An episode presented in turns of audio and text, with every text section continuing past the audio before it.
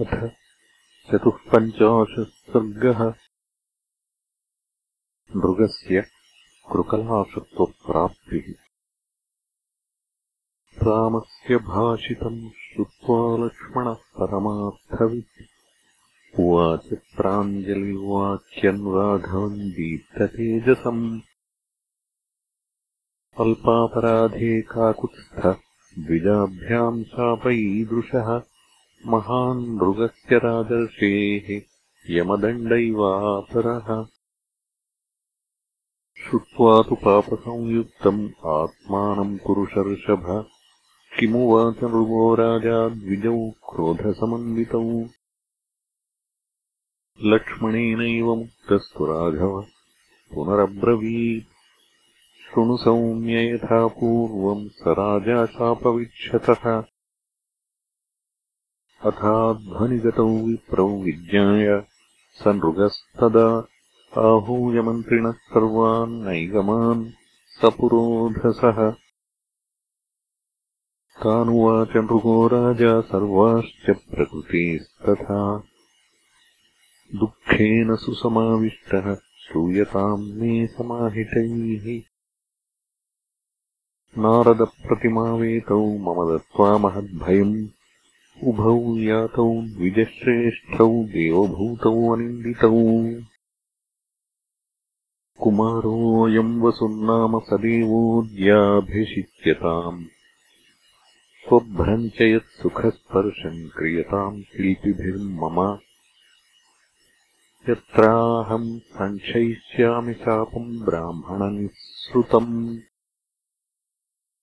वर्षघ्नमेकम् स्वभ्रन्तु हिमघ्नम् अपरम् तथा। ग्रीष्मघ्नम् तु सुखस्पर्शम् एकम् कुर्वन्तु शिल्पिनः। फलवन्तश्च ये वृक्षाः पुष्पवत्यश्च यालताः विरोप्यन्ताम् बहुविधाः छायावन्तश्च गुल्मिनः। क्रियताम् रमणीयम् च श्वभ्राणाम् सर्वतो दिशम् सुखमत्र वसिष्यामि यावत्कालस्य पर्ययः। पुष्पाणि च सुगन्धीनि क्रियन्ताम् तेषु नित्यशः। परिवार्य यथा मे स्युः अध्यर्थम् योजनम् तथा।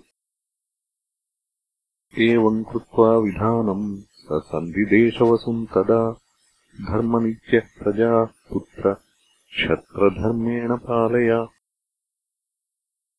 प्रत्यक्षन्ते यथा शापो द्विजाभ्याम् मयि पातितः नरश्रेष्ठसरोषाभ्याम् अपराधेऽपि तादृशे मा कृथा त्वनुसन्तापम् मत्कृतेऽपि नरर्षभ। कृतान्तः कुशलः पुत्र येनास्मि व्यसनीकृतः। प्राप्तव्यान्येव प्राप्नोति गन्तव्यान्येव गच्छति लब्धव्यान्येव लभते दुःखानि च सुखानि च। पूर्वे जात्यन्तरे वत्समाविषादम् कुरुष्व। एवम् त्वा नृगस्तत्र सुतम् राजा महायशाः।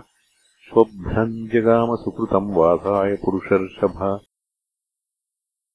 एवम् प्रविश्यैव नृपस्तदानीम् स्वभ्रम् महारत्नविभूषितम् तत् सम्पादयामास तदा महात्मा शापम् द्विजाभ्याम् हि रुषा विमुक्तम्। इत्यार्षे श्रीमद्रामायणे वाल्मीकीये आदिकाव्ये उत्तरकाण्डे चतुःपञ्चाशः सर्गः